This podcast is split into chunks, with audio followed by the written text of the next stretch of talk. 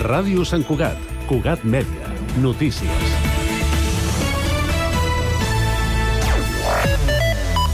Bon dia. La regidora d'Educació va enviar un correu electrònic a les direccions dels centres públics per demanar que no es posicionessin en el conflicte entre Israel i Palestina. Ah, segons s'ha pogut saber Cugat Mèdia, i han confirmat els grups municipals durant la tertúlia al Gall del Monestir d'aquest matí. En el correu Ardit remarca que no es pot traslladar el conflicte de Sant Cugat ni esperonar la violència, ja que hi ha moltes famílies que estan patint i que han perdut familiars. Al text, la regidora apunta que no es vol posicionar en cap cas a favor d'una o altra facció i anima les direccions a parlar parlar amb els professors perquè expliquin als alumnes que hi ha persones que pateixen a les dues bandes. La decisió de la responsable municipal d'Educació ha generat controvèrsia entre els grups municipals, mentre que Junts i el PP defensen l'acció de la regidora, Esquerra, el PSC en Comú Podem i la CUP consideren que Ardit ha sobrepassat les seves competències. Més enllà de la missiva, els centres Vox lamenta la politització de l'àmbit educatiu. L'últim informe PISA, que mesura el rendiment acadèmic dels alumnes de quart d'ESO, matemàtica, ciència i la, la lectura, ha deixat en general els pitjors eh, resultats de la història. S'apunta com a principal causa la pandèmia. En el cas de Catalunya, els resultats han baixat en picat entre les tres matèries, fins al punt de generar un debat polític i social per tal d'identificar les causes i també les possibles solucions.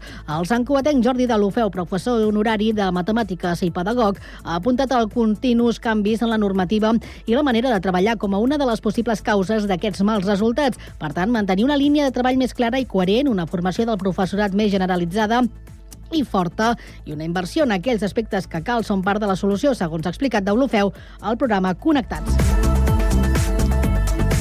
La coalició municipal d'en Comú Podem assegura que el trencament de Podem Sumar, oficialitzat fa una setmana, no ha tingut cap conseqüència a Sant Cugat, com si ha passat també a Catalunya amb la renúncia de la líder dels comuns al Parlament, Jessica Albiach, a la militància de Podem. Els representants dels dos partits de Sant Cugat expliquen a Cugat Mèdia que els objectius de treball per la ciutat continuen sent els mateixos i defensen la bona sintonia entre els dos partits a la ciutat. I el PAP 2 de la Rambla del Celler acollirà del 19 al 21 de gener una de les semifinals del Campionat d'Espanya absolut d'hoquei sala masculí. Sant Cugat serà una de les seus escollides i on els equips cercaran el bitllet per a la final a 6 de l'estatal a Màlaga del 26 al 28 de gener. El club Sant Cugatenc participa amb dos equips, el júnior i l'hoquei club sala, i competirà del 15 al 21 de desembre amb la Lliga regular. Els dos conjunts han estat enquadrats al grup 2 juntament amb l'Egara 1935, el Terrassa, línia 22. Els dos partits de grups accedeixen a la semifinal semifinals.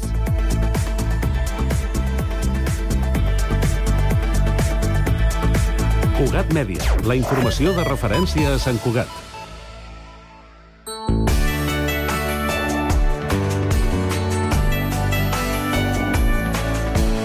Ràdio Sant Cugat, Cugat Mèdia, 91.5 FM.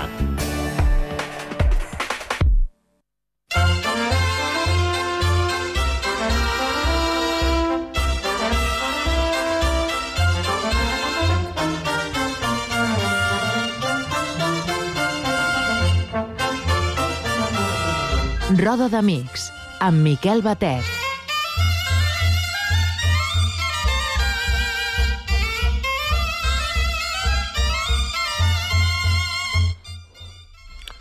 Bon dia, amigues i amics de les sardanes i de Ràdio Sant Cugat. Rebeu salutacions d'en Pablo Palenzuela, al control tècnic, i qui us està parlant, en Miquel Batet, editor del programa.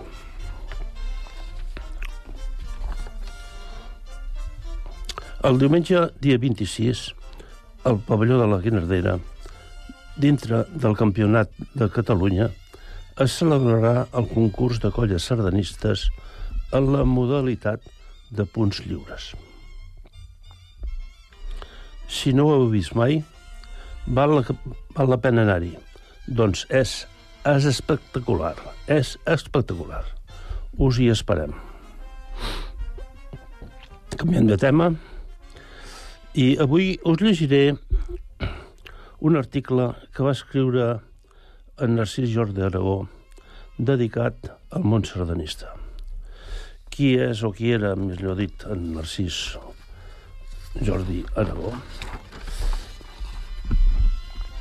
Es va ser fundació, era abogat i periodista i va ser fundador de la revista Presència. és un dels intel·lectuals de, del nostre país.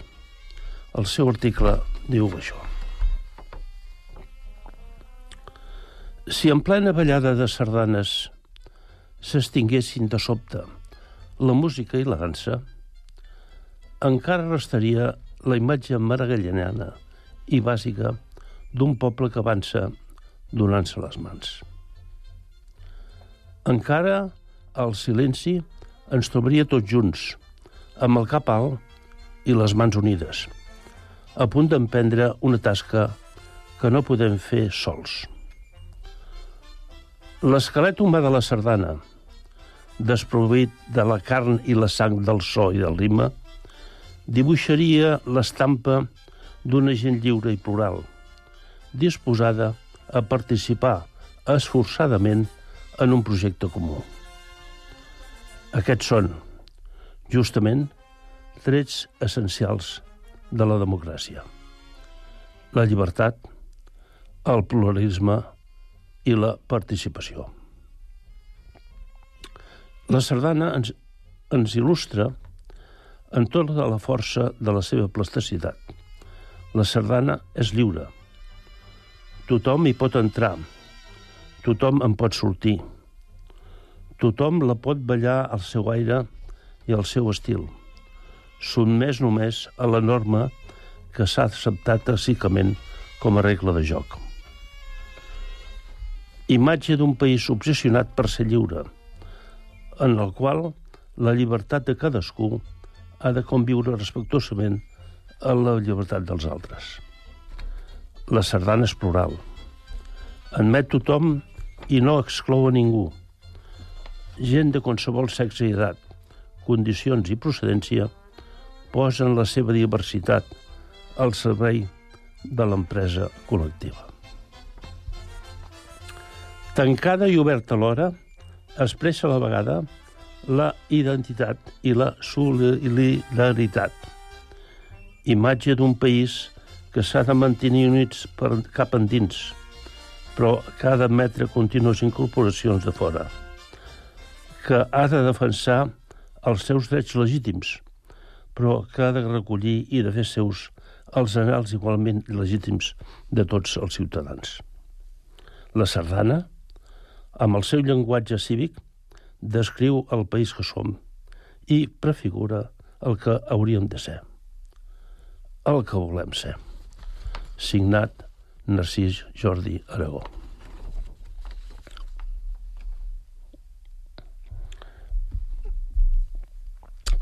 Bé, després dels dos últims monogràfics dedicats a en Ramon Serrat i en Salvador Tortons, canviarem de xip. I escoltarem sardanes d'en Vicenç Bou, Carles Urbira, Josep Coll, Josep Saderra, Tomàs Gil, Xavi Foncada, Ricard Viladasau, Josep Cassú, Joaquim Soms, Joan Lluís Moraleda i Francesc Marrós.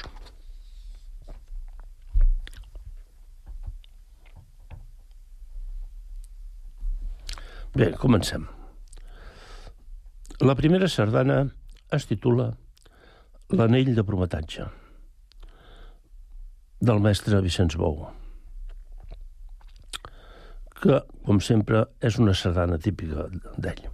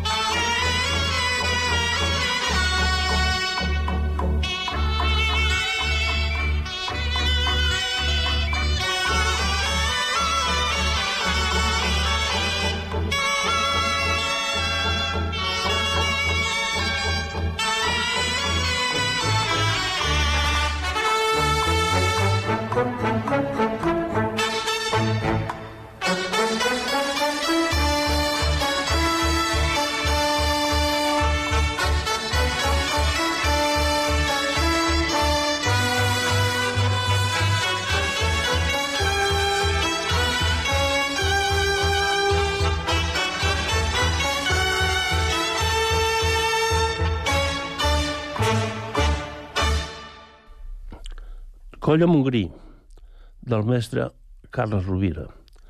Sardana vibrant, dedicada a la colla d'aquest nom, de Montgrí, de, de, de, de Torroella de Montgrí.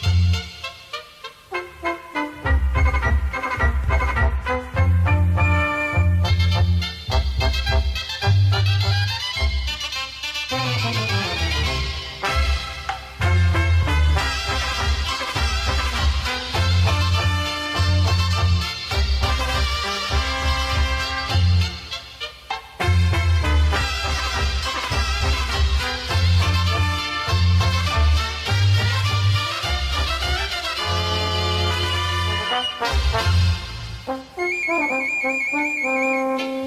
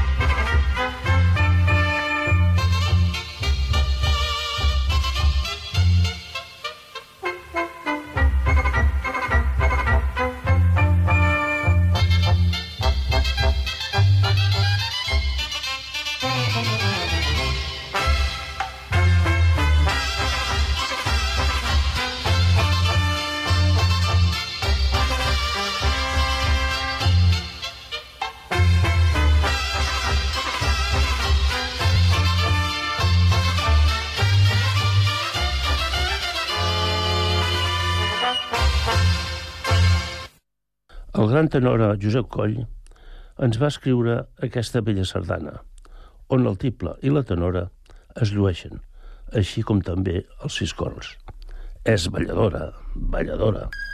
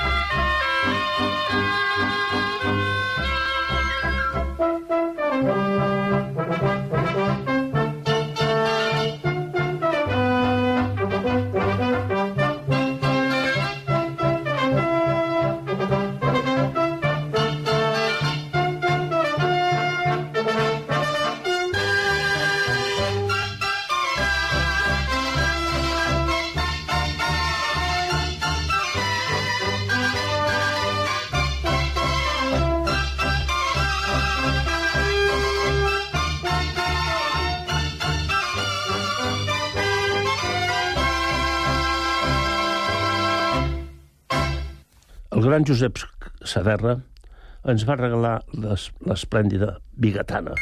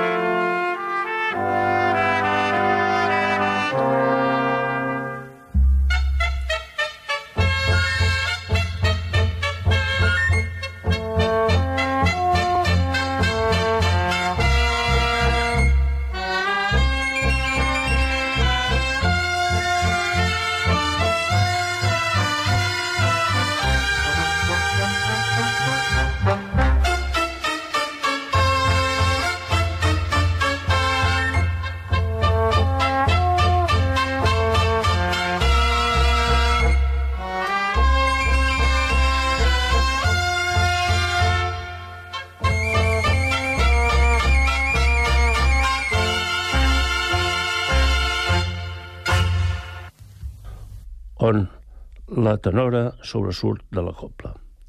Rítmica, amb magnífics salts petits i grans.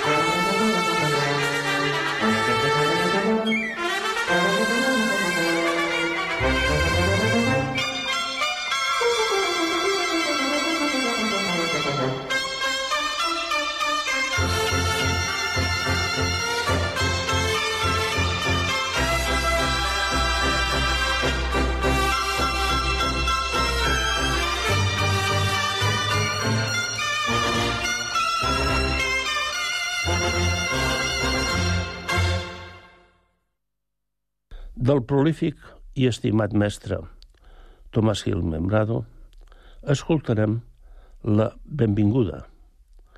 És, com totes les seves sardanes, musical i balladora.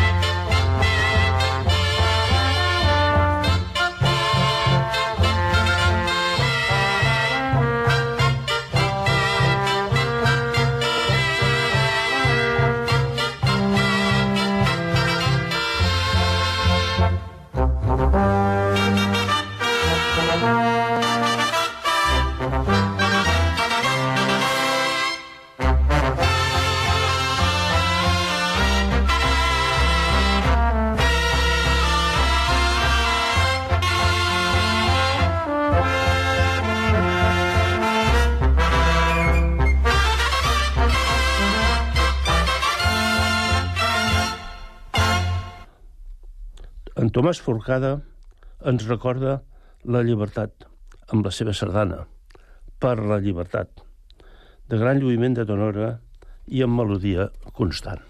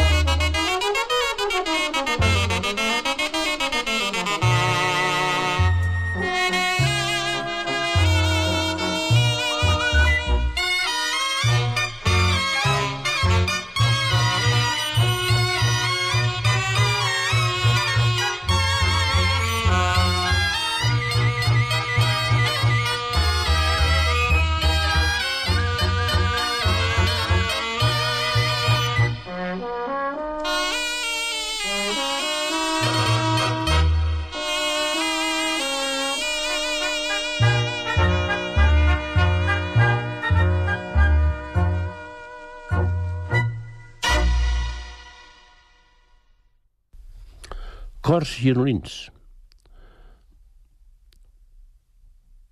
Servant sardana del formidable Ricard Viladasau. Els sis cors estan en primer pla, conjuntament amb la tonora. El mestre Viladasau ens demostra la seva capacitat i la seva categoria com compositor.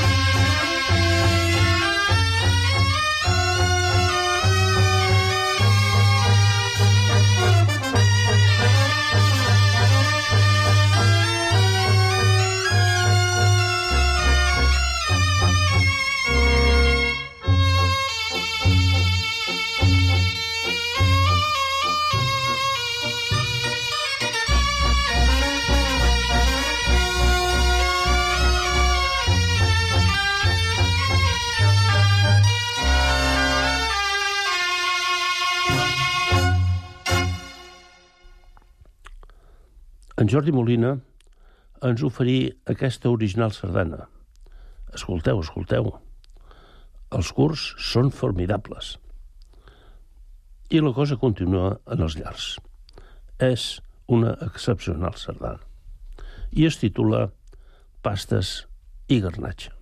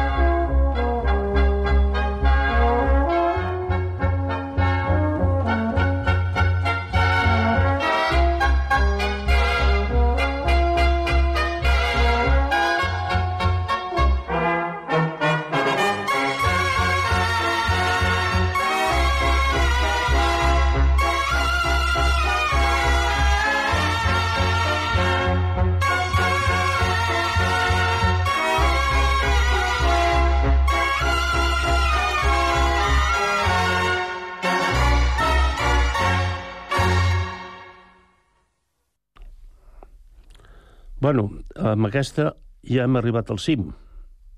Quin és el cim? Ullets blaus, del mestre Josep Cassú. És una extraordinària sardana, tant per ballar com per escoltar-la.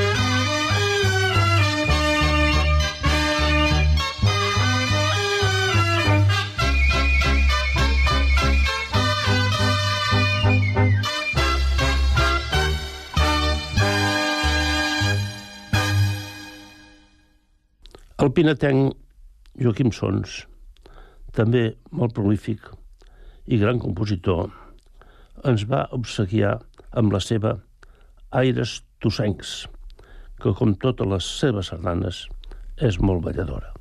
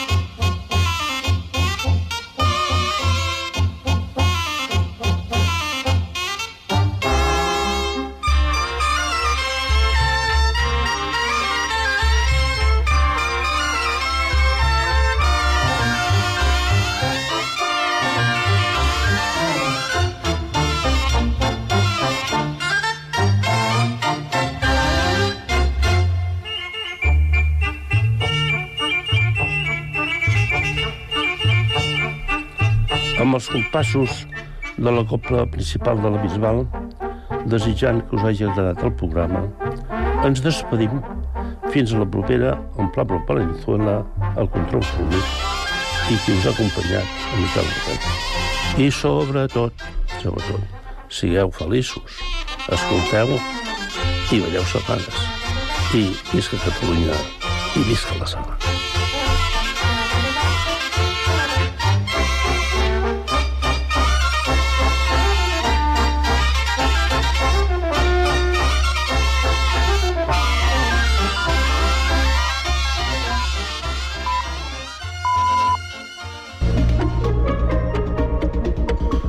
Notícies en